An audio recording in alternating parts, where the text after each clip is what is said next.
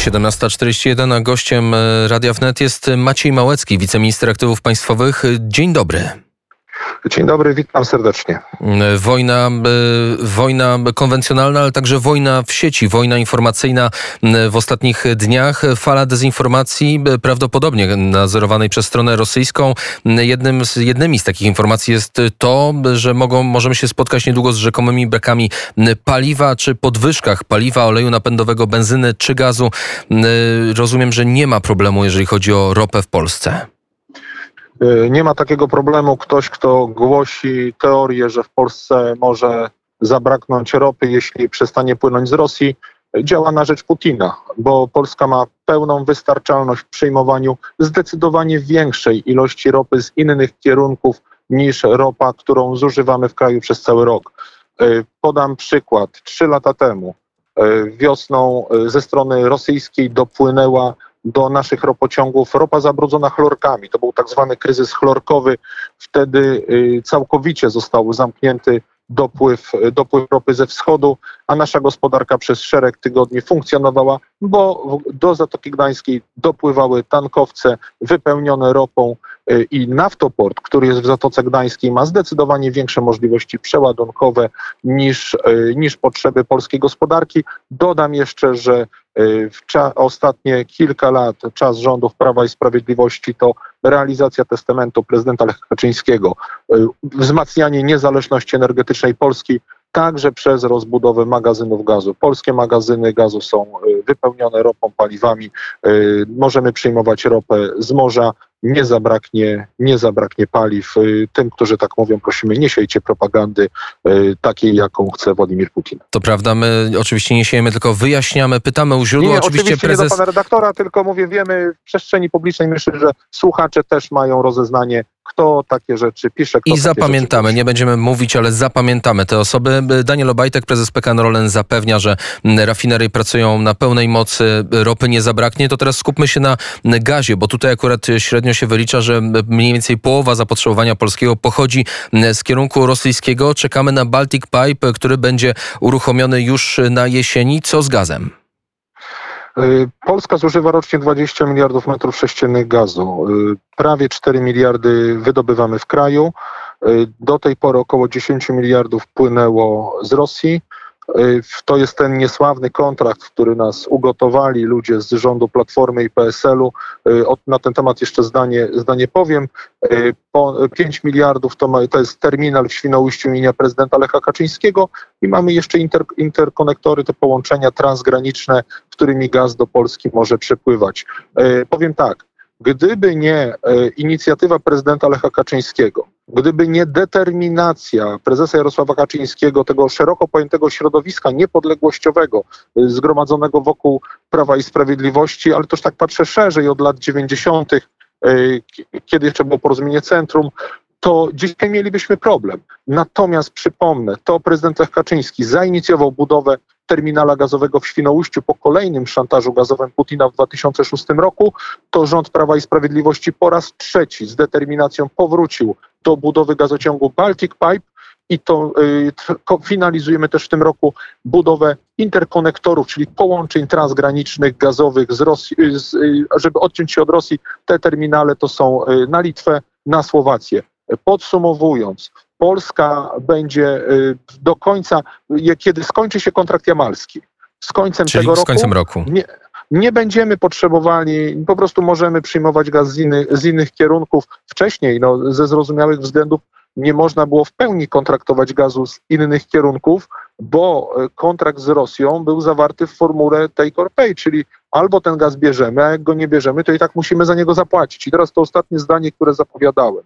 Jak dziś wyglądałoby bezpieczeństwo energetyczne Polski? Jak dziś wyglądałoby nasze, jak, wygląd, jak daleko bylibyśmy zależni od Putina, gdyby wszedł w życie ten niecny plan rządu Donalda Tuska, chcieli podpisać kontrakt z Putinem na dostawy gazu w tej formule albo bierzemy, albo i tak za niego płacimy do 2037 roku. To się nie udało. W tym roku kończy się, y, kończy się kontrakt jamalski, rusza gazociąg Baltic Pipe. Wczoraj rozmawiałem z ministrem Piotrem Naimskim. Wszystko jest w terminach, wszystko to jest trudny, trudna budowa, ale jest w terminach i od y, na Na koniec roku tego zamykamy kontrakt rosyjski od 1 stycznia.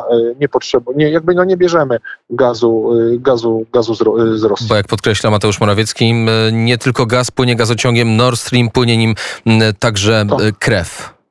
Do, to, to jest, panie redaktorze, śmiem powiedzieć, nie byłoby wojny na Ukrainie, gdyby nie potężne wsparcie elit międzynarodowych dla gazociągu Nord Stream 1 i gazociągu Nord Stream 2.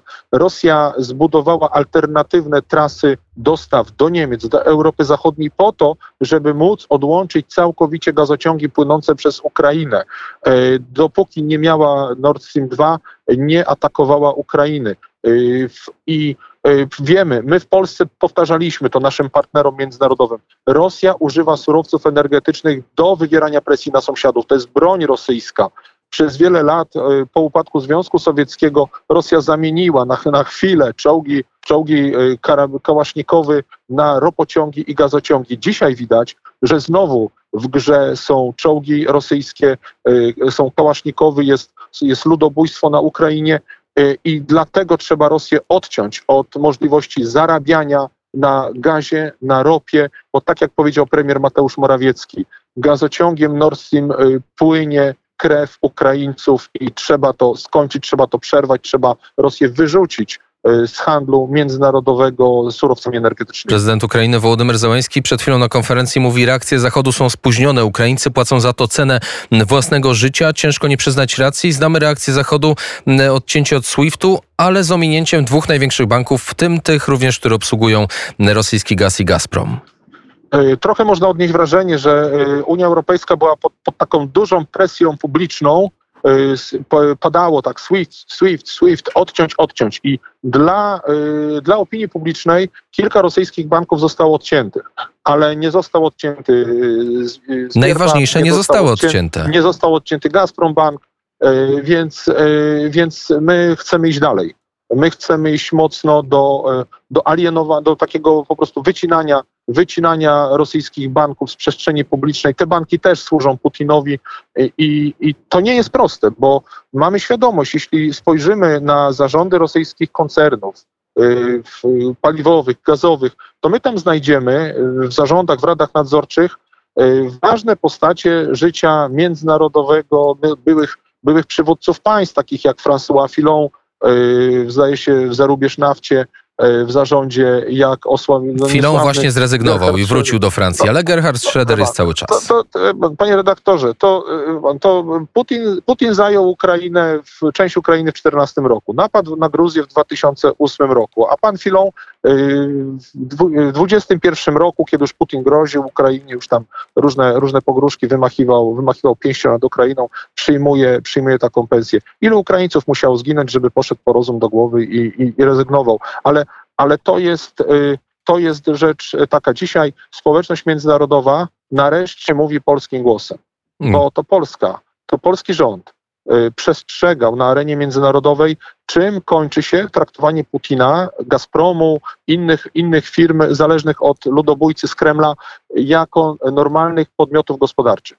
To prawda. To... My mówiliśmy mocno. Nord Stream 2 to nie jest projekt biznesowy. To jest przedsięwzięcie polityczne, które ma Putinowi pozwolić na e, działania, na, działania, na, na dominację e, nie tylko w naszej części Europy. I doszło do tego, że cena gazu dzisiaj, jest prawie, e, momenty były takie, że podchodziła pod 200 euro za jedną megawattogodzinę, a w, w, a na Ukrainie trwa wojna. Jak by wyglądała sytuacja, gdyby Putin zależał tylko od gazociągów płynących przez Ukrainę i przez Białoruś? Raczej domniemywam, że nie, nie, nie ruszyłby na kraj, który, w którym wojna odcięłaby jego jego dostawy na zachód, z których czerpie naprawdę setki miliardów dolarów. I tu, I tu musimy postawić kropkę. Maciej Małecki, wiceminister aktywów państwowych, był gościem Radia Wnet. Dziękuję i do usłyszenia. Dziękuję, do usłyszenia, pozdrawiam serdecznie.